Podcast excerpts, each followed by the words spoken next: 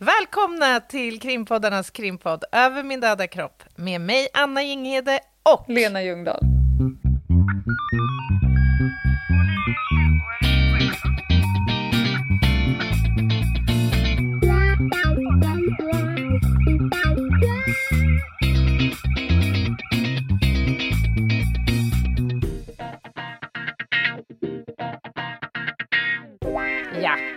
Den. Välkomna tillbaka. Och för, för, förutom alla våra lyssnare, välkomna tillbaka Polismyndigheten.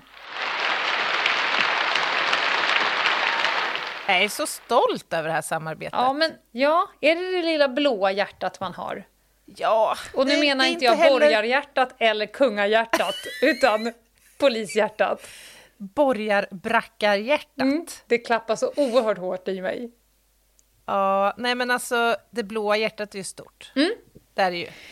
Och eh, nej men alltså jag tycker det är så himla härligt att Polismyndigheten vill fortsätta samarbeta med oss. Mm. Det är jätteroligt och de rullar nu ut eh, nya kampanjer som går ut på att eh, få fler folk in på polisutbildningarna för att det behövs fler poliser och bra poliser. Och Mm. vilka är vi om vi inte vill vara med och bidra till det? Så vi tycker att det är asnice att de samarbetar med oss ett par veckor till. Verkligen. Och det är ju också så att vi får mycket samtal och meddelanden och mejl från människor som är intresserade av polisyrket. Mm. Så att uppenbarligen så har vi lyckats inspirera någon själ där ute i alla fall. Det är jätteroligt. Ja, det är roligt. Och idag ska vi prata om eh, en eh, företeelse som kanske inte alla känner är så rolig just. I alla fall inte när man hör ordet. Eh, vi pratar om ett begrepp som vi hör talas om i olika sammanhang, i politiska, mediala sammanhang och andra. Jag pratar om samverkan. Mm. Vad betyder det, Det inte- egentligen? Det är inte världens sexigaste begrepp. Det betyder att man måste ha att göra med andra människor som kanske har en annan agenda. Ja, eh, så är det ju.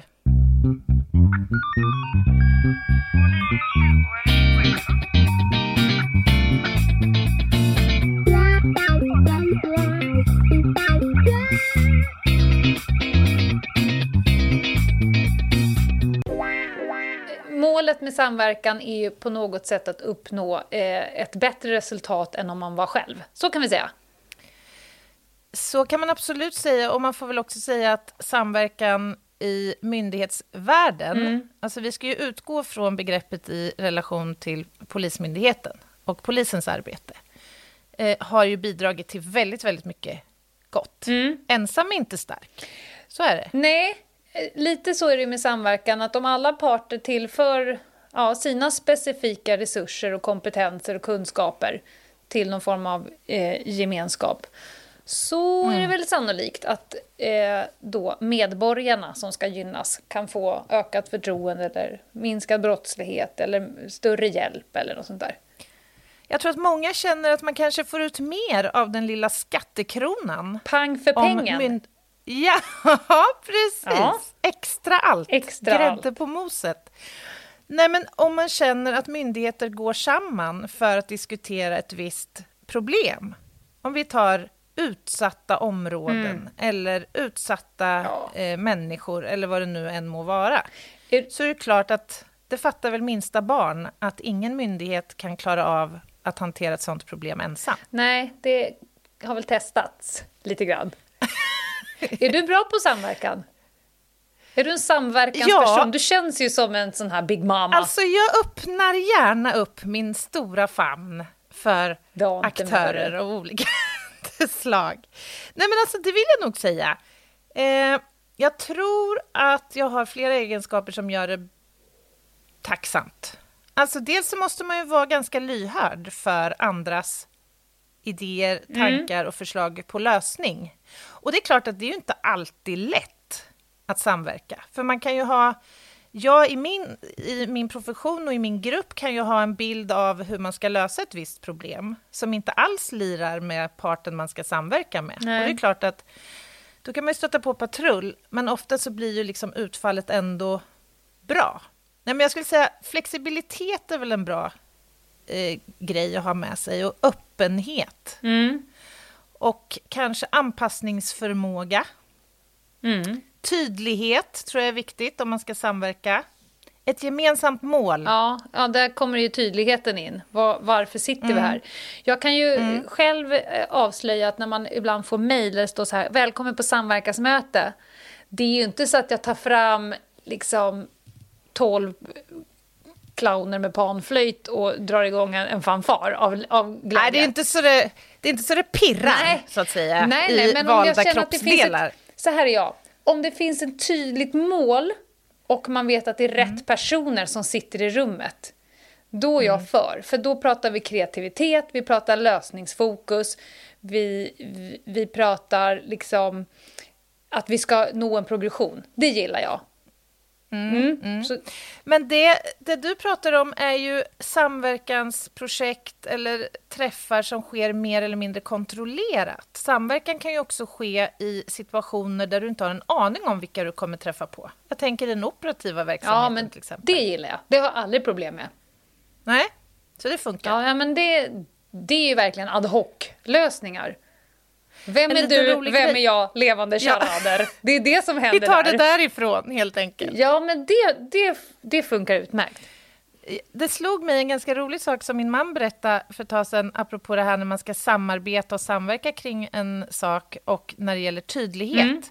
Eh, Så skulle han eh, få hjälp av ett eh, broderi i eh, Asien. Så har du broderi. skulle, ja, Mm. de skulle brodera kepsar, tror jag det var i det här fallet. Och då skulle det stå en viss text på det här, eh, den här kepsen och av förklarliga skäl så, så kan det ju bli vissa språkproblem här då när man ska samverka eh, liksom med ett land på andra sidan jordklotet som inte pratar svenska. Du menar språkproblem? ett språkproblem. Så när alla de här hundratals kepsarna, eller om det nu var tusen kanske, som kom tillbaka till försäljning, så stod det inte Svenska Golfförbundet på dem, utan Svenska. Gulf? Gulf. Sluta! Jag trodde att de hade glömt prickarna i förbundet. De har lagt till fler prickar. De har lagt till Svenska. Golfförbundet. De tänkte väl, här ska det ju vara två prickar, då måste det ju vara två prickar här med. Jag tycker det är underbart. Gud, det, det, det hade varit det enda som skulle kunna få på mig en, golf, en golfkeps. Ge mig en av de tusen. Ja. Jag kommer sporta den. Ah, härligt, underbart.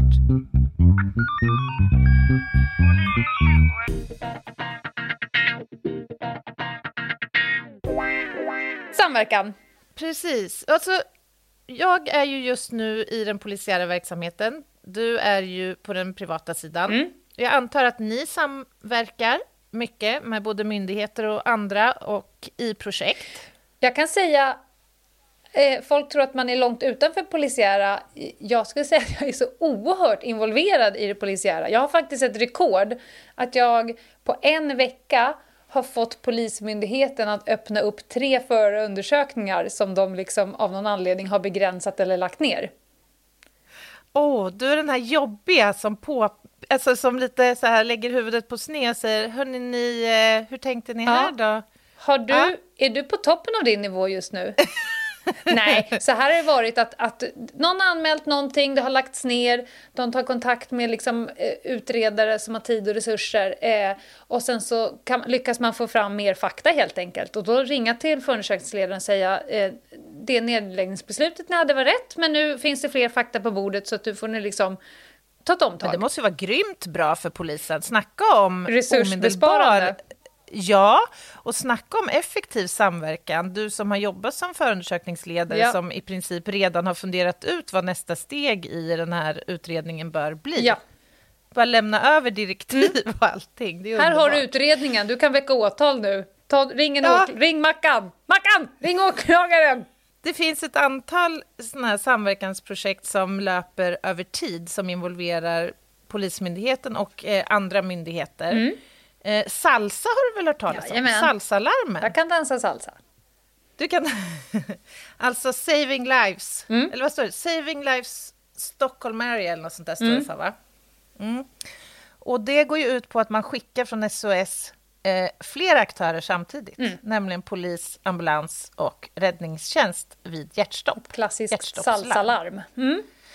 Ja, precis. Vi har ju inte det där fenomenet, eller fenomenet har vi i Örebro, men det är ju ett Stockholmsprojekt mm. från början.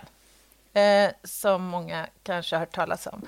Sen har vi ju ett som jag tycker är väldigt eh, lovvärt som kallas för, eller jag vet inte vad projektet heter, men vi benämner det RUC. Mm. Alltså det står väl egentligen för Regionalt underrättelsecentrum. Mm.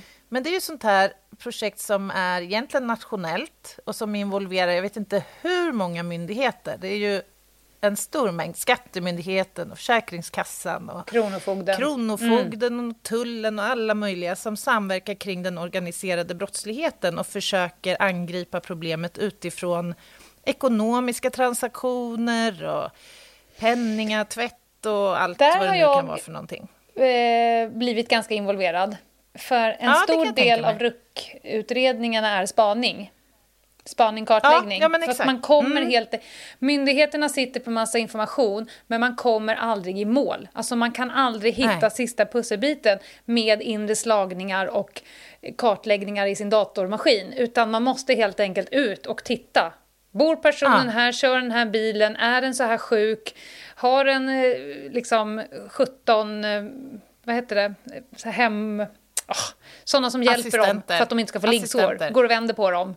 Du vet, mm, assistenter. assistenter. Så är det 14 familjemedlemmar som jobbar dygnet runt med den här personen eller är det inte det?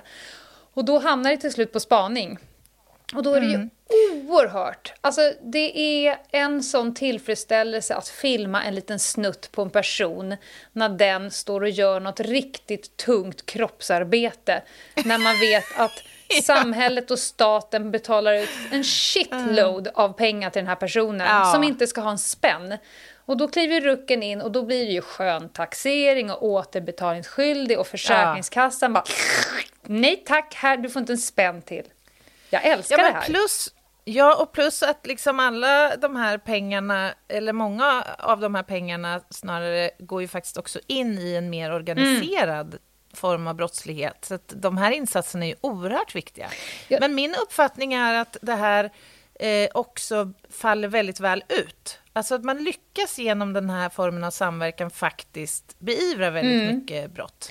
Och där har ju spaningen en sån himla viktig roll, för det krävs jag skulle kunna säga vissa av, av casen, man fick ju du vet, här har ni fem akter, kolla på dem i mån av tid medan ni håller på att kartlägga den här andra jätteorganisationen.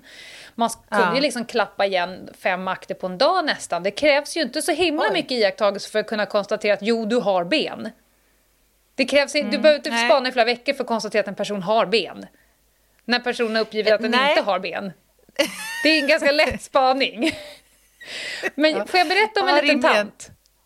Ja, det är klart. Jag tror att jag bara har berättat om henne i liven. Jag känner att, att situationen kräver yeah. en riktigt förslagen liten tantalura.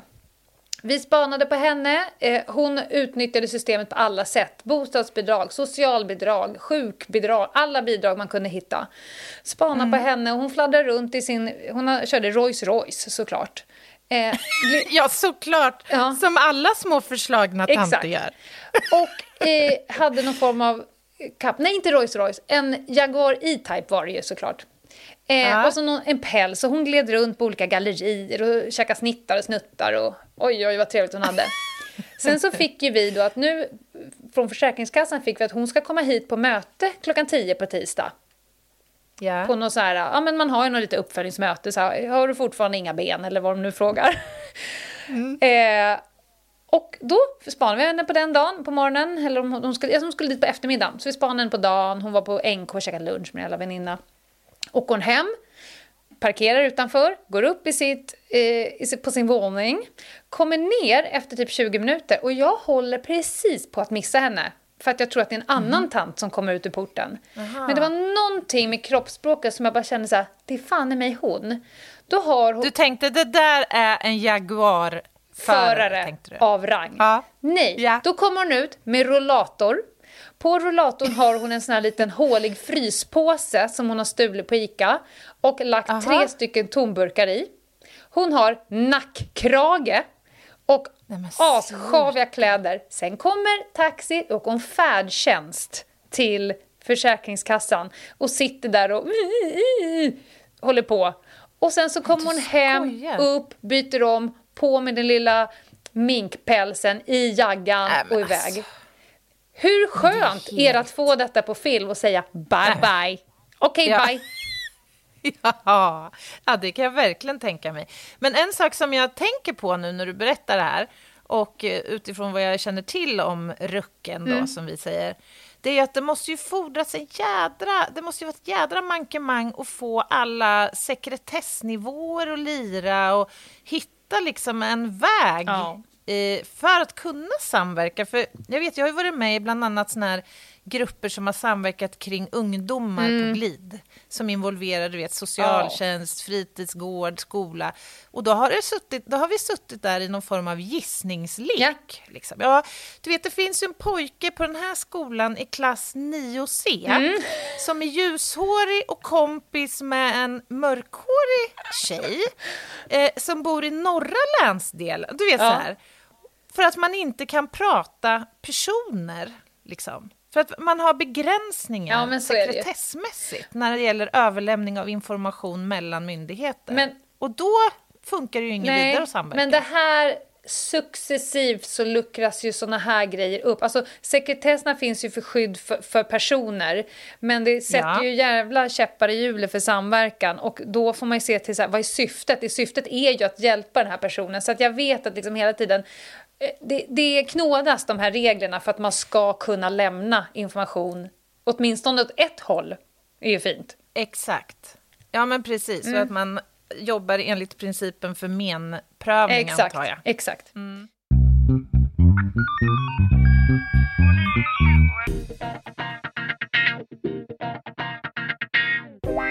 Det här är ju olika då projektformer, men som sagt, samverkan sker ju varje dag i samhället. Mm. Eh, inte bara inom det polisiära, men till stor del där. Mm. När du jobbade ute, fick du samverka då? Då samverkar man ju. Och det roliga där var ju att man visste ju inte eh, när man påbörjade passet, vilka ska vi samverka med idag? Nej, det, det, kan ju det kom vara... som en liten glad överraskning. Ja, men verkligen. Det var ju några återkommande element. ja. Politi. Jo.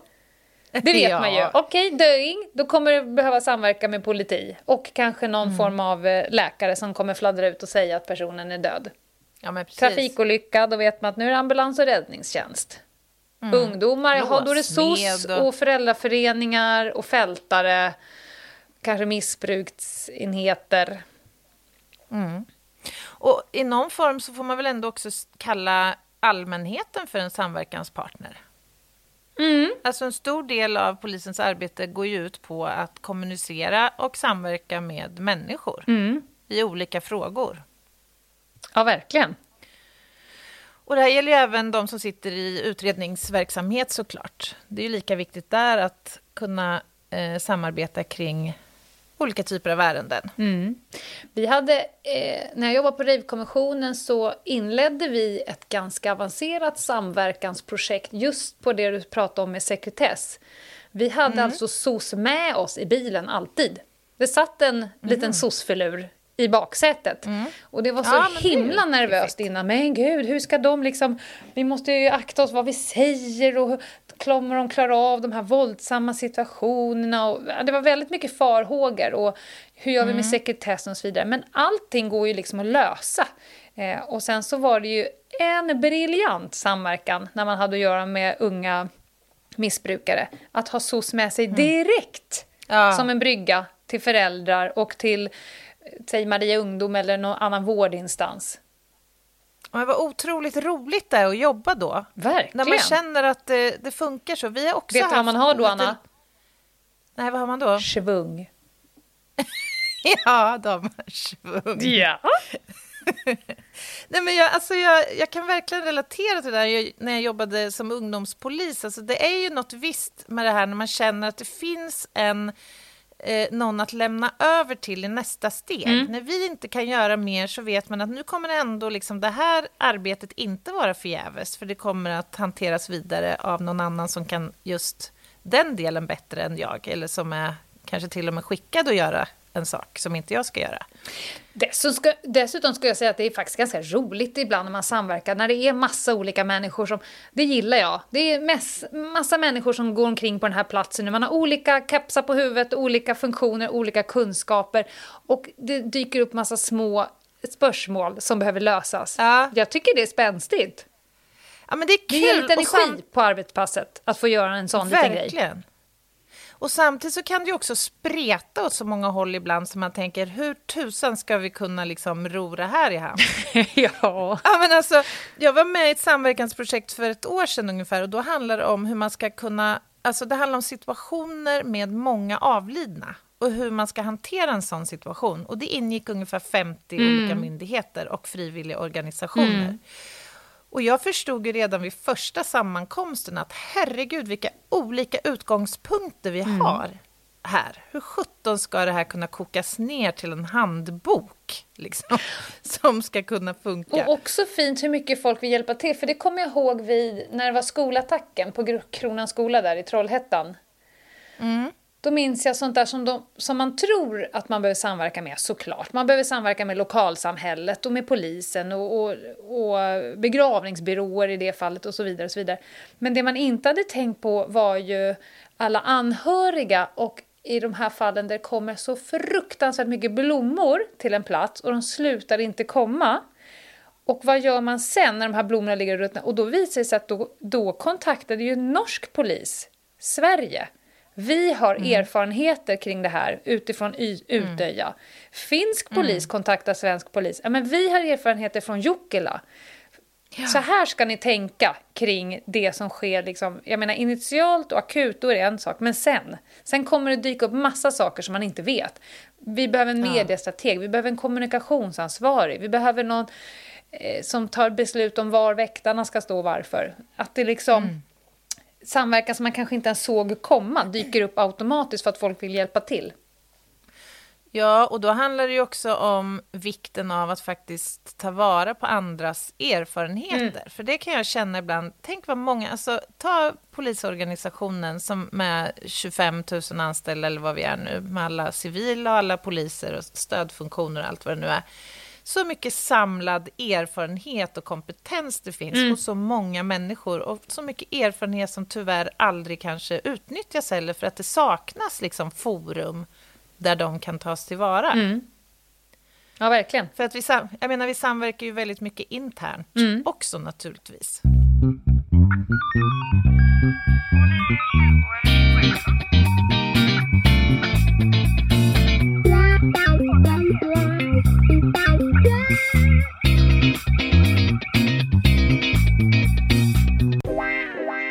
Vi prata lite ambulans?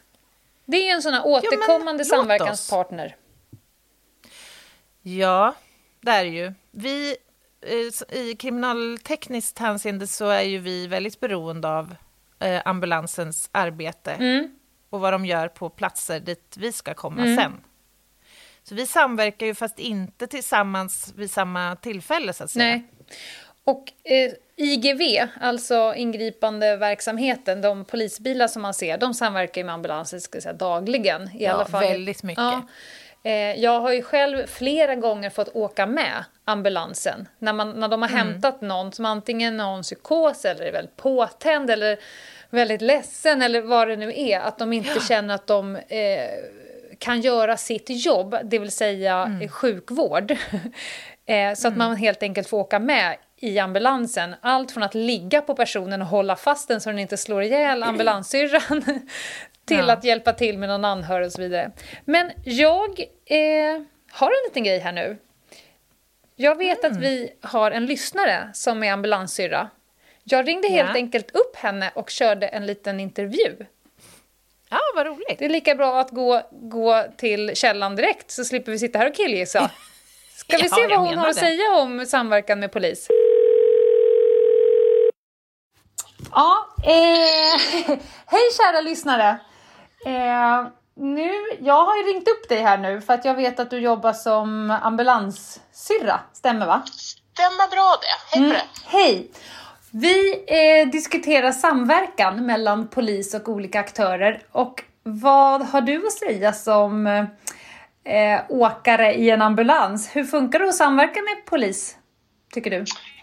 Ja, men jag kan bara svara för vad jag tycker och eh, jag tycker att det funkar väldigt bra. Det funkar mycket, mycket bättre än vad det har gjort om man bara går tillbaka till en eh, 6-7 år tillbaka. Då var det väl lite mer, eh, det var vi och dem på olycksplatser och på olika ställen vi var på. Men efter, efter allting som har hänt med Husby, när det har varit för mycket med kast på, med stenar och mm allt det här som har hänt, så då tycker jag att vi, vi har ju fått ihop det här med blåljus samverkan och nu är det ju vi, vi har ju en helt annan samverkan på ett annat sätt mot det det var tidigare. Tycker jag i alla fall. Ja men vad bra, Ni har, det har liksom utvecklats någon form av taktik i... Ja men det är lite mm. sådär, för att vi har ju varit så utsatta tidigare. Ja. Och, eh, men nu är vi mer måna om varandra på ett annat sätt upplever jag i alla fall. Kul att höra. Mm. Eh, vad tycker du att, vad, vad är poliser för några? Vad har de för egenskaper tycker du? Ja, det var en jävla bra fråga. vad är det för filurer? Ja, nej men det var lång. Nu, jag jobbar ju liksom på en ytterstation och uh, har mest samarbete med Vällingbypolisen. Mm. Fantastiska folk där. De är kunniga, de, de är synliga nu på ett annat sätt. De är, um, alltså det är vanliga folk på jorden som de har koll. Eh, trevliga, artiga och hel ja, vad ska jag säga? Normala folk. Ja. Bra folk. Överlag är bra folk. Och de som eh, kanske hamnar igenom och dyker upp ändå, de eh, blir väl bortplockade ganska omgående tror jag. Ja, Så, förhoppningsvis. Gud, får klippa bort det här känner jag. Oj, vad hemskt det här blev. Ja, men Nej, det är ja. jättebra. Skulle du själv vara bra polis? Antagligen skulle jag vara helt fantastisk. jag älskar det.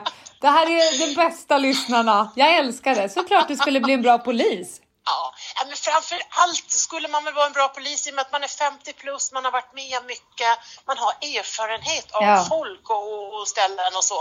Och det är ju det som gör att man kan vara lyhörd och uh, samtala med folk. Det är väl det som gör en bra polis i, i stort. Sen tror jag inte att jag skulle ha tålamodet med eh, vissa stamkunder och så. Men Stamkunder, how nicely put of you. Eh, om du fick skicka med en önskan till poliser för att samverkan skulle kunna bli ännu bättre, vad skulle det vara? Får jag bara ta en? Nej, jag du får, två. Du, ja, ta två. Eh, det, först och främst att de åtminstone, nu har, det blivit, nu har de blivit bättre på att gå in på Rapp, eh, kanal på uh, vår samverkanskanal där. Att, ja. att de svarar när man ropar upp när vi åker på samma case. Eh, när det börjar bli lite fara och färde på, på taket håller jag på att säga. Ja. Och eh, när man kommer på trafikolyckor, först kommer ju oftast brand, de ställer sig upp perfekt med sina bilar, sen kommer ambulansen, ställer sig bra, vi vill ju att snabbt kunna komma iväg och sen bränner polisen rakt in och sen ställer de sig lite hejsan hoppsan. Men eh, det är väl egentligen det enda. Placera bilarna rätt och eh, gå in på rapskanalen tidigare. Det är Bra! önskemålen jag har. Perfekt! Det är precis så man gör med samverkan. Man är tydlig med sina behov och sen så får man helt enkelt eh, skruva på taktiken tills det sitter. Mm. Grymt! Tack snälla för eh, hjälpen. Ja, men det var så lite så. Alltså hon skulle ju vara ett kap för Polismyndigheten känner jag. Verkligen! Asskön. Vilken härlig! Ja, verkligen. Och bra grejer. Ja, och jag tyckte det här som du påpekade avslutningsvis tyckte jag var så himla bra. Alltså att man måste skruva lite innan taktiken sätter sig, för vi har ju olika takes. Vi ser ju på saker lite olika och vi har olika behov mm. i, i våran samverkan. Ja, men jag tyckte det var intressant hon sa det med stenkastning. Alltså det är sånt där fenomen som eh, det har inte varit ett problem förut. Ambulans och räddningstjänst var ju hyfsat fredad. De var ju inte en antagonist mm. till någon. Och helt Nej. plötsligt när de blir hårt ansatta då måste, det, då måste det skapas en taktik där polisen egentligen ha, har en skyddsfunktion för de övriga så att de kan göra sitt jobb.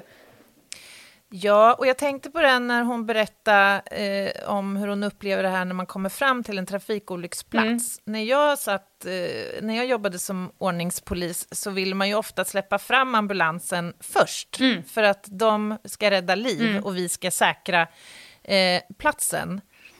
Eh, så att jag tror att det kan finnas lite så här, hur man, ja, men hur man ser på situationen kan mm. också påverka hur man agerar just vad gäller de där bitarna, men skyddet har ju alltid polisen ansvar för. Mm. Så de, polisen måste alltid se till så att platsen som sjukvården och andra ska jobba på är säker. En annan taktik som har dykt upp sista åren, det är ju vid de här gängskjutningarna.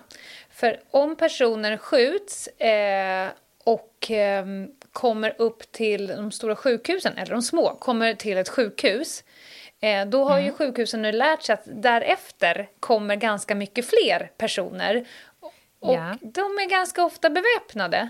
Så att nu mm. har man ju gjort så att när man hör att det är en gängskjutning någonstans eller något större bråk, då åker polispatruller direkt upp till sjukhuset och ställer strandpost mm. utanför för att börja ta mm. emot och börja hjälpa till med hanteringen av de här eh, momenten som ja, kommer upp. Det är också en taktik mm. som man har fått utveckla längs vägen. Ja, men verkligen. Vi samverkar ju som sagt också en del med sjukvården. Mm. För vår del handlar det om spårsäkring. Mm. Eh, vi har faktiskt ett eh, samverkansprojekt igång just nu. Eh, det är jag och sen är det en som är ansvarig för ambulansen i Örebro län. Mm. Eh, och vi ska försöka få med någon från räddningstjänsten också. Ja.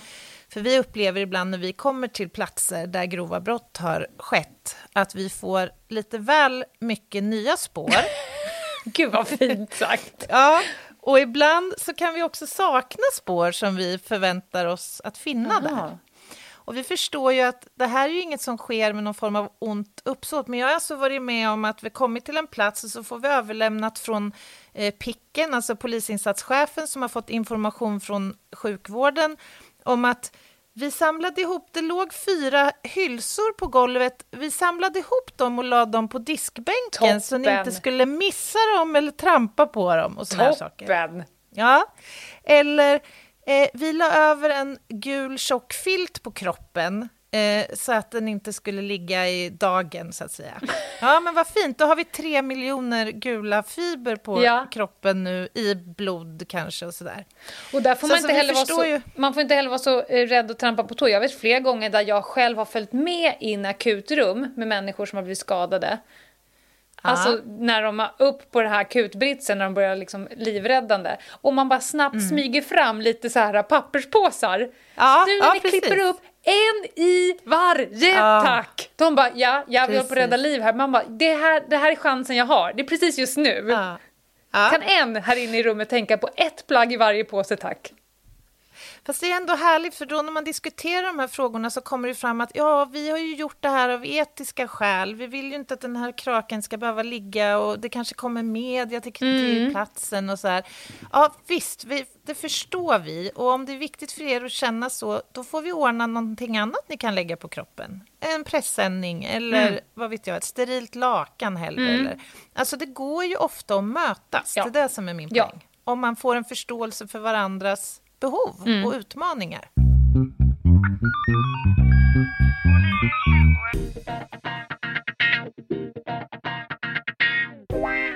Jaha, det var sjukvården. Räddningstjänsten. Mm. Jag har faktiskt en rolig grej. Eh, De gillar man ju. Det höll ju på att bli ett ganska en ganska rolig löpsedel när jag gick på polisutbildningen. Jaha. Då kom räddningstjänsten dit med eh, dykare och såna här eh, småbåtar och stegar och det var vinter och de skulle visa då livräddning i, eh, liksom på sjö. Ja. Och då hade ju alla idrottslärarna, Lena Runströmer och ja, de här gamla mm. riktiga härliga människorna på polisutbildningarna som, håller, som har utbildningar i självskydd. Då hade de ju klätt på sig och så, så fick ju de stackars krakarna hela dagen hoppa i och ur vakar och liksom, så skulle brandmännen visa att man kan ta upp med stege och man kan liksom skjuta fram någonting och sådär. Eh, mm. Och då är bryggan som en hästsko eh, in mot stranden. Eh, mm. Och då står alla 192 på stranden och blickar ut mot bryggorna medan räddningstjänsten och lärarna står på den här bryggan och tittar in mot stranden så de har liksom ryggen mot sjön. Och mitt mm. i den här övningen, och då har de ju räddat folk på alla möjliga olika sätt, mitt i den här övningen kommer också en skridskoåkare lite så här runt udden. Och då väldigt pedagogiskt plurrar i precis utanför bryggan. Eh, ja. Och vi står där, 192 polisstudenter. Jag skulle säga att vi har ganska, en totalt sett ganska hög handlingskraft ändå. Dådkraften är hög i, i församlingen. Ja. Och räddningstjänsten är där. Och den här personen hoppar i och gör precis som de andra lärarna gjort. Och då, då vet så här, först viftar man så här med armarna upp och ner ja. och sådär. Och sen så vi står och tittar så tänker vi så här, jag undrar när de ska börja rädda den här äh, personen. Kraken. Och sen så inser ja. de snabbt, det här tillhör inte övningen. Och då när man börjar skrika så här, bakom er bakom er så vänder sig de här äh, räddningstjänsten, brandisarna, om och bara oh lord! Så fick de ju börja rädda skarpt där ute för hon var en bit ut. Och så upp och så in med tantaluran, för vi hade ju bastun igång för lärarnas skull. Och vi såg framför oss det här löpet, så här, 192 oh. polivande poliser och räddningstjänsten tittar på när Berit ja. dör. Nej, 30 meter Gud. ifrån bryggan. Jag kommer att tänka på en, en rolig händelse som jag fick vara med om när jag bodde i Stockholm. Mm -hmm. Då skulle jag upp till eh, Stockholms studentbostäder och skriva på ett kontrakt för en hyres, eh, sån här studentbostad. Mm. Och då när jag kliver upp ur tunnelbanan så ser jag hur det ryker från en balkong. Eh, och jag står och tittar på det, det är någonting jag reagerar på som inte liksom kändes som något jag kunde bara passera förbi. Så jag, jag stannade till och tittade upp mot balkongen, ser att det trycker liksom ut tjock svart rök från ja. balkongdörren. Så jag springer då in i trapphuset och lyckas lokalisera vilken lägenhet den här röken kommer ifrån. Bankar på hårt som tusan och skriker och ringer och du vet, genom dörren, där mm. postfacket och allt det där. Ja visst, och till slut så öppnar en kvinna sömndrucken. Hon är helt så här, vad är det som händer? Typ, ut, du måste ut ur lägenheten. Ja, så hade jag ju ringt och varslat eh, räddningstjänsten, så de kom ju snart med pling-plong-bilar ja. och stegbil och allt möjligt. Och då visade det sig att den här kvinnan hade ju alltså, hon hade rökt och slängt en fimp i en kartong med papper precis ja. ut vid balkongdörren ja. och så det hade börjat brinna. Ja, så gick hon och tog sig en liten tupplur. Mm -mm. Ja, och sen då när jag hade skrivit på det här kontraktet så gav jag mig upp på stan och så sitter jag där precis vid Sergels torg på ja, lite parkbänkar mm. där och tar en, avnjuter en glass i vårens sol. Och precis framför mig så sitter en kvinna på en bänk som jag ser bara så här lägger sig ner på bänken. Mm. Hon segnar ner. Nej, så då fick Anna Ingede ta upp telefonen igen och ringa SOS. Ja, ja tjena, det är jag, det är igen här. Igen. Eh, du kan skicka en ambulans nu. Eh, jag är på Sergelgatan, eh, du vet vid bänkarna där. Det är ett akut eh, sjukdomsfall.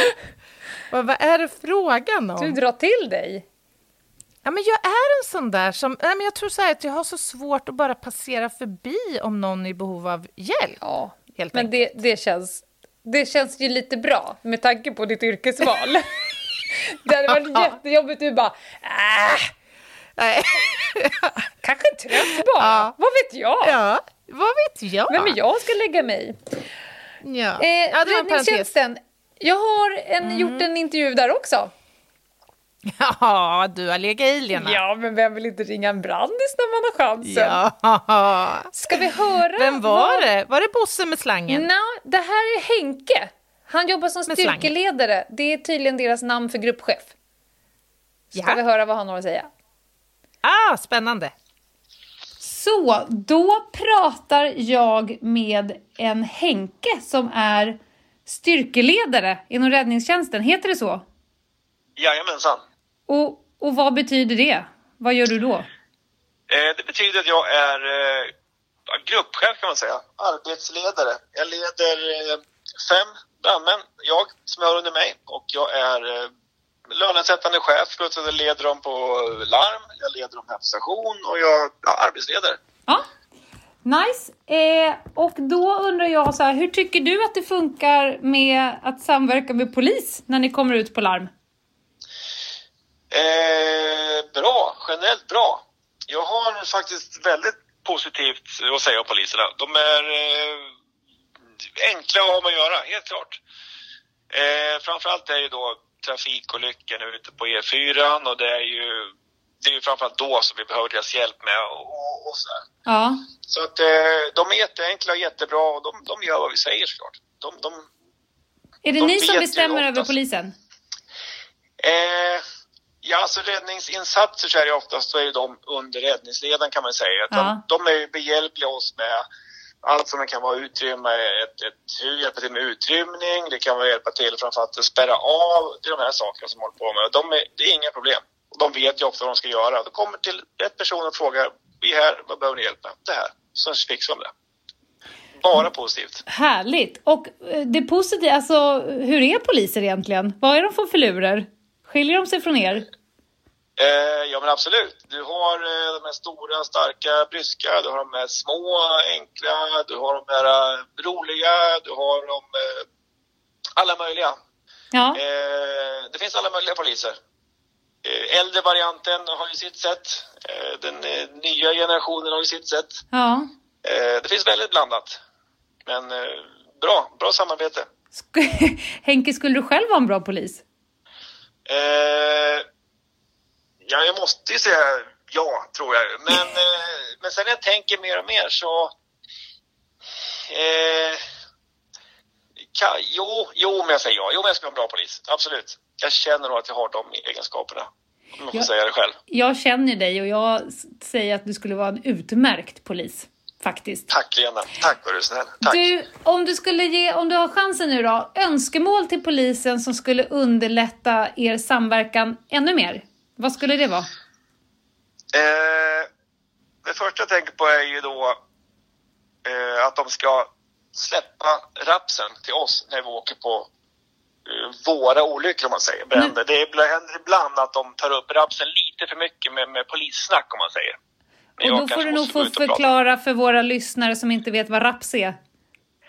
RAPS, det är alltså en kanal, det är en samverkanskanal, räddning, ambulans, polis, samverkan, som eh, vi blir tilldelade då av eh, larmcentralen då, som alla kommer vara på. Ambulans, räddning, polis. Den samverkanskanalen ja. och det finns ju på samma. Och polisen tenderar att babbla lite för mycket? Ibland kan de göra det. Ja. Inte alltid, men ibland. Och eh, då har inte vi insyn i vädret. Nej. Det är olika. Generationsgrej ska jag säga. Huvud på spiken tänker jag. Som mm. spanare brukar jag ibland sitta och skrika släpp knappjäveln någon gång. Ja, lite så. Ja. Lite så. En sista fråga. Hur är det nu med alla färgerna på hjälmarna? Vem är det som bestämmer? Vi ser röda hjälmar, gula hjälmar, vita hjälmar. Är det bara fashion eh, first eller? Eh, det är faktiskt lite olika runt hela landet ska jag säga. Hos oss så har vi vita brand, eh, brandmän har vita hjälmar. Mm. Styrkeledare, jag har gul hjälm och sen har vi då insatsledaren då har eh, röd hjälm. Ja. Med rutor, det har liksom varit, det är liksom varit att du har den röda med rutor, det är liksom räddningsledaren. Okay. Nu har vi gått med ett nytt ledningssystem då med ett samarbete med ett annat förbund och så då ska vi ändra lite grann på det. Men, men det kan vara, högst på plats kan vara gul hjälm med rutor som liksom är rödvit rutor på ja. sidorna. Det kan vara eh, som sagt eh, vit hjälm med gult streck. Det, det, det, är helt olika. Brandmän mer och mer nu för tiden har svarta hjälmar till exempel. Mm. Så att eh, det, det, det är olika. Skulle man kunna... Men det, det vanliga är att, att en, en, vit hjälm eller svart hjälm, brandman och sen ja. så gul eller röd är befälet. Ja. Man får även läsa på ryggen, för det brukar det stå. Då skulle man kunna säga att det också är ett framgångsrecept för samverkan, att det blir tydligt för alla inblandade vem som är vad? Ja, jajamensan, mm. det, det är helt klart. Och det är samma sak titlarna. Ja. Du har eh, brandman heter det är det vanliga, men du har ju styrkeledare som jag är en del heter brandmästare istället, och du har insatsledare, du har yttre befäl, du har yttre chef.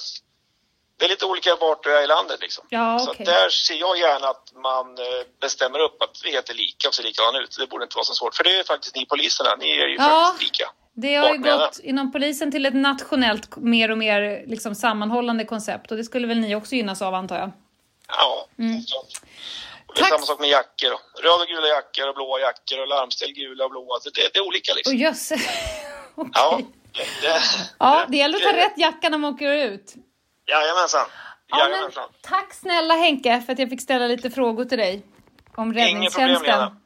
Det vet du. Vi hörs. Det gör vi. Hej. Hej. Eh, olika färger på hjälmarna, det där tog ett tag innan man eh, hade löst ut det där med röd hjälm och gul hjälm och vit hjälm. Och... Ja, det gjorde det, men det är en maffig syn får jag ju ändå säga på en trafikolycksplats. Mm. Till exempel. Varför har inte polisen olika båtmössor? Rosa båtmössa är, är liksom ledartröjan. ja, det vore ju maffigt. Men står inte det? Tror du man skulle kunna få på YCOM en rosa båtmössa? En rosa.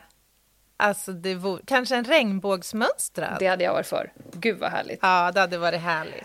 Jaha, nej, men du... Nej, men du, ändå, du nämner ju något där. Det är ju om vi bara uppehåller oss kort, kort, kort vid kring de här eh, mössorna, mm. eh, så är det ju jätteviktigt att förstå vem som är vem på en sån här olycksplats ja. till exempel. Eller egentligen vilken stor händelse som helst som bygger på samverkan. Ja, vi, eh, där... Eh, brytpunkt är ju ett begrepp som vi som jobbar eller har jobbat med sånt här är väl bekanta med. Det är inte så, kanske så många mm. yrken som först åker till en brytpunkt innan de går till sin arbetsplats. Hade i och för sig varit skönt Nej. om typ Aha, anställda på någon elkedja bara, vi ses vid brytpunkten och lägger upp en plan. ja. Beslut i stort. Du är polisinsatschef, du är platschef. Det har varit jätteroligt. Mm. Ja, men en brytpunkt är ju liksom en plats vid sidan av, alltså en fysisk plats vid sidan av där själva insatsen pågår. Där typ representanter från alla som ska samverka på platsen eh, möts och gör upp en plan. Och där är ju ganska strikt vem som bestämmer vad och vem som bestämmer över vad. Eh, ja. Det är, och det brukar finnas en liten buss och där brukar finnas en kaffekokare och det brukar finnas ett bord där man kan dra ut massa kartor. I bästa fall. I bästa fall. Jag, hör, jag hörde häromdagen om en, sam, en form av samverkan som inte gick så där superbra. Det var fråga om, det här är inget som har skett nyligen, utan det var ett tag sedan, men man skulle alltså göra tillslag på två ställen, på två adresser under en dag. Mm. Och vid ett av tillfällena så skulle ett antal eh, IT-forensiker närvara. Mm. Eh, och det var bara det att man hade inte informerat eh, vederbörande om en exakt eh, brytpunkt. Eh, för det här andra tillslaget som de skulle vara med mm -hmm. på. De hade bara en adress.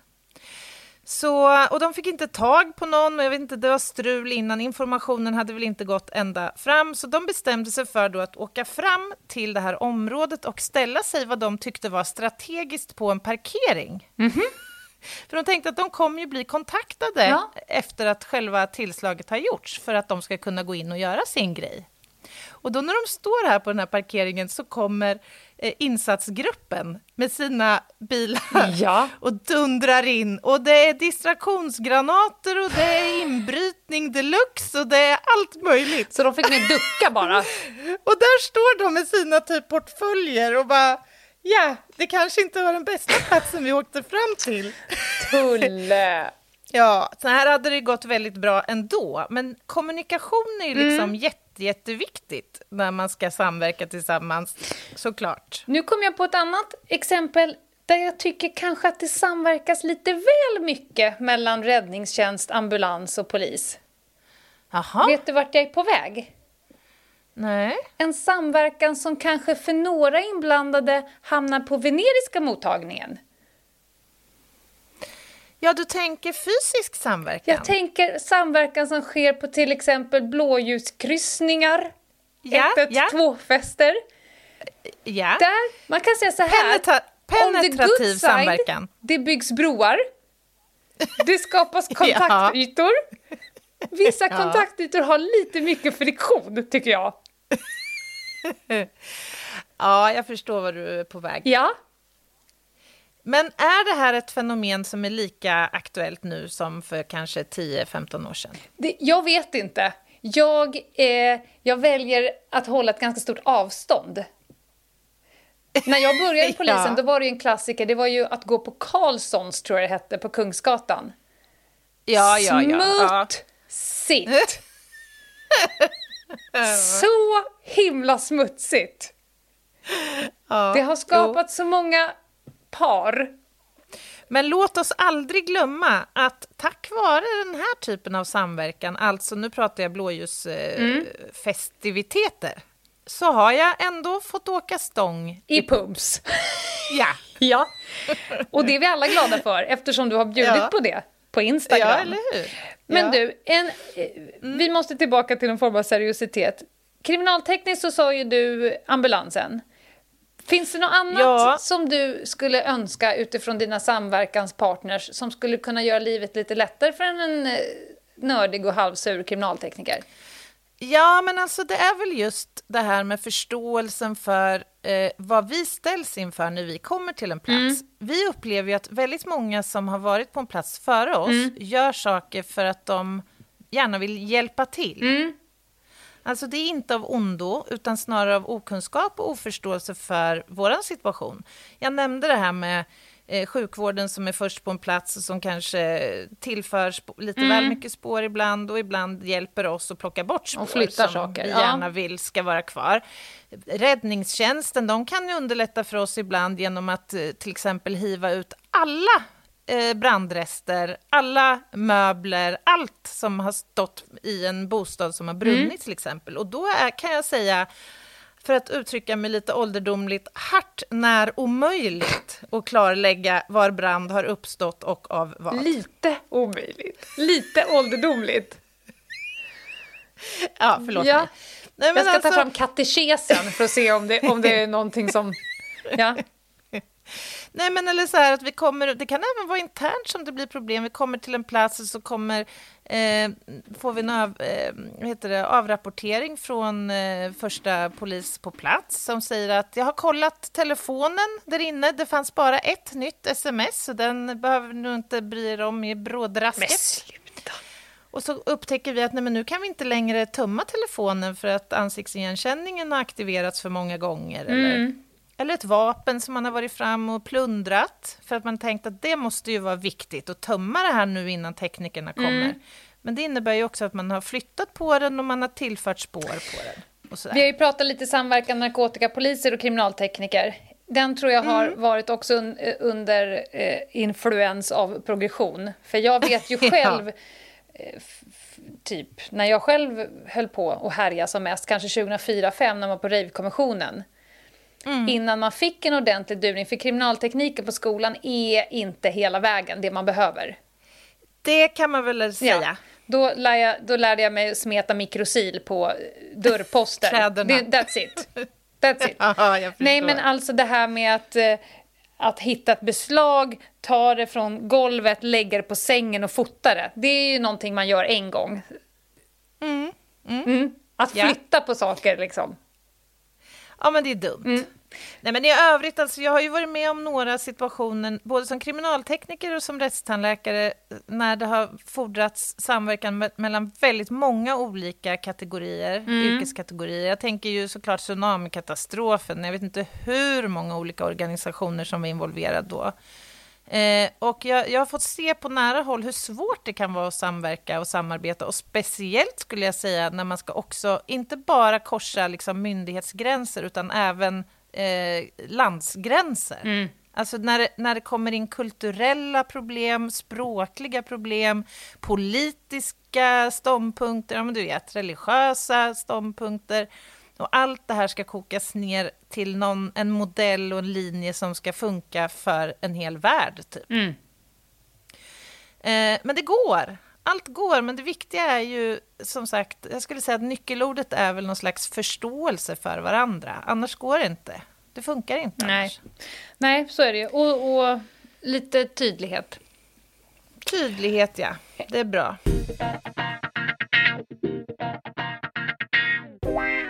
Kan säga på temat det, det går inte. Eh, Span samverkar inte skitmycket med olika aktörer. Man är ju inte på brotts... Alltså man är inte på olycksplatser och man har inte så himla mycket att göra med lokalsamhället. I alla fall inte, de vet inte om det.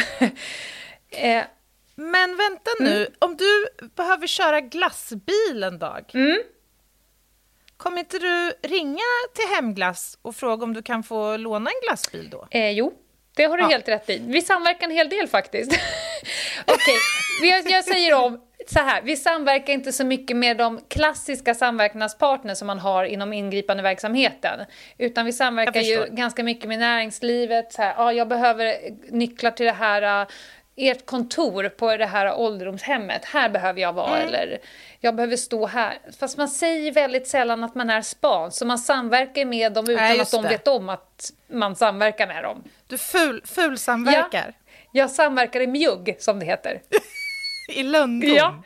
Men några polisiära enheter som span försöker samverka med är nationella insatsstyrkan, nej framförallt piketen, insatsgrupperna.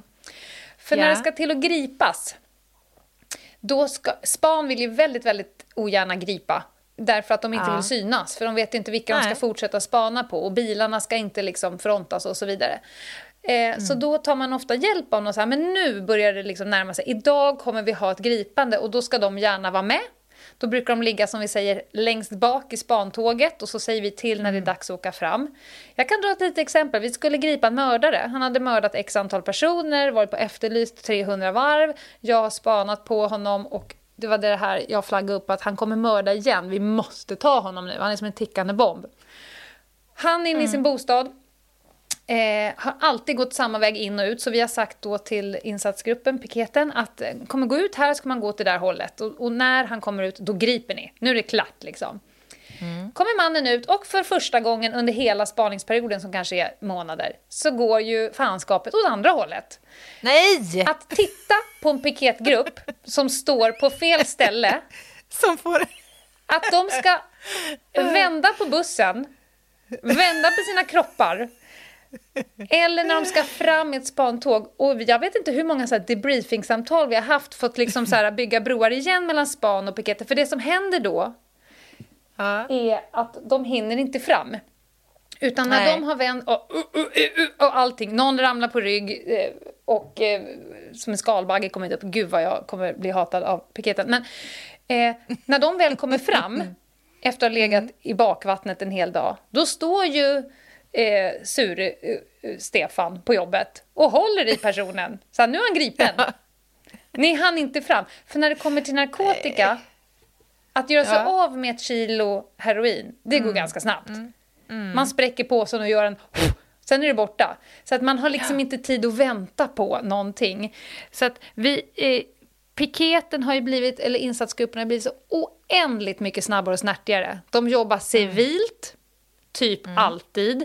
De sitter i andra typer av fordon, de har annan typ av utbildning. Vi pratar med varandra mycket bättre, så att nu går det mycket smidigare än när det satt liksom sju personer i en buss som käkar bebisar till frukost. Mm. Det är inte så lätt mm. att smyga in dem i ett spantåg. Men, men det där är ju också intressant nämligen det här att alla måste ju förstå liksom hur en plan och en, hur en insatsidé ser ut ja. liksom, och hur själva planen ser ut. Ja. Och framförallt, vad gör man vid ett omfall? Om vi behöver frångå vår tänkta plan ja. så måste ju alla förstå liksom, att så här ska vi agera då. Ja, men det kan det... ju bli jättetokigt Det är bara att skruva på taktiken. Har koll på det. Skruva, ja. skruva, skruva lite till, skruva igen. Och sen när du väl har satt ja. sig, då har förutsättningar förändrats och då får du börja om och skruva igen. Man måste gilla det som polis. Man måste gilla ja, det här ad hoc. Och jag brukar säga så här, good enough är det som man får nöja sig med i väldigt ja. många situationer. Du har ett gäng förutsättningar, du har din kollega, ni har en taktik och en tillit. Nu är det good enough, nu är det bara att åka mm. och lös det. Och det löser sig ju nästan alltid väldigt bra. Men vi, vi har ju pratat några gånger om det här med problemlösning. Mm. Och alltså, när man jobbar i yttre tjänst så blir ju det väldigt påtagligt. Varje dag så ställs man ju inför situationer som handlar om att lösa uppkomna problem. Mm. Det kan vara allt ifrån att ta sig in genom en dörrport till att, eh, vad vet jag, eh, boxera en eh, traktor mm. från ett... Ja, alltså allsköns liksom, Eller... uppgifter som bygger på... Ja? jaga ikapp en jättearg katt i ett missbrukshem. Ja. Ja. Alltså det kan krävas åtta poliser som alla har satt på sig insatsstället. Man ser ut som ja. Robocop. Och så tänker man bara, nej men det här är livets svåraste uppgift. En katt som inte vill bli infångad i ett hem där kanske husse har dött eller åkt in ja. någonstans. Bara, för polisen lämnar ju inte djur utan då tar man dem till kattstallet och hundhemmet och allt vad det nu heter. Ja. Har du försökt fånga in en sur menar... katt någon gång? Ja, herregud. Jag har biträtt Länsstyrelsen är det väl som gör såna här ja. tillsynsbesök. Mm. Så att jag har varit med och biträtt dem i en bostad en gång och det var inte en sur katt, det var kanske 21 sura katter. Nej, men grejen är den att det handlar ju då om att kunna eh, lösa den här uppgiften och det måste ske tack vare en förmåga att samverka. Alltså att få en idé om vem ska jag kontakta som kan lösa den här situationen åt oss. Ska vi sammanfatta? Jag har ju eh, ett litet avslut.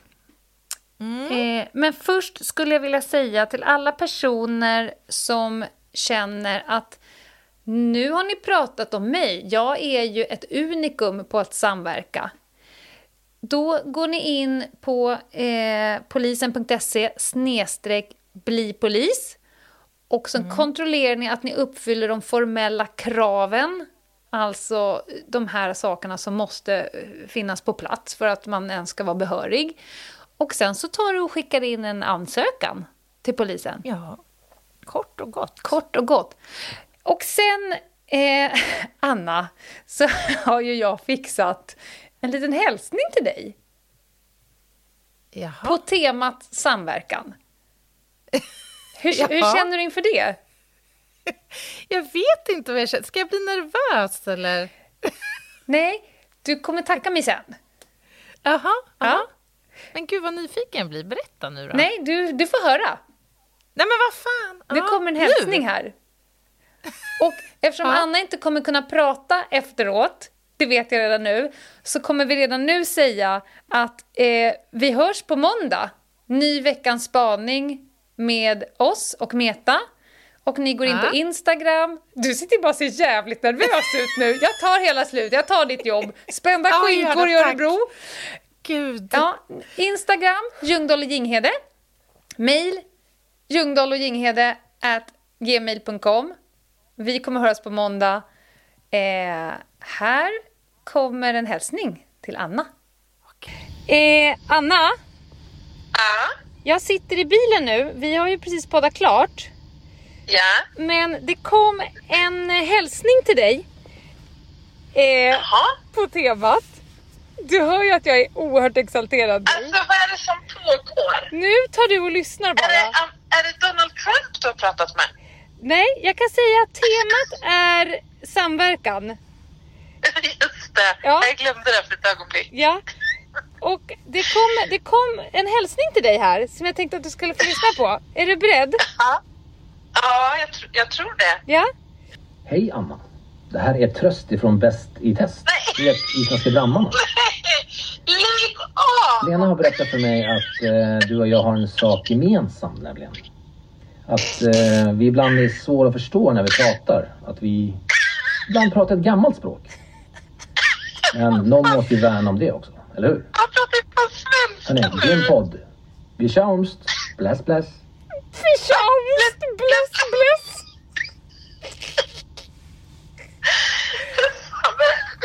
Jag fattar ingenting nu. Nu går du och byter småbyxor. Alltså det här är ju så jädra starkt innehåll. Alltså, det, här är content baby. alltså, du kan köra det här på repeat nu. Tröstigt ja, från Bäst i test. Skicka den. Jag ska ha honom som min sån här wake-up signal tror jag. Bekäms. Hans lena, behagliga isländska brandmansröst. Bekäms bless bless. bless bless. Ja, det var en liten present till dig. Eh. Ja men alltså jag är djupt tacksam. Bra. Djupt tacksam. Det är inte alla som har fått en hälsning från Trösti. Nej du. Vi hörs Verkligen inte. Nej, jag bugar och bockar. Jag är så glad och tacksam. Varsågod.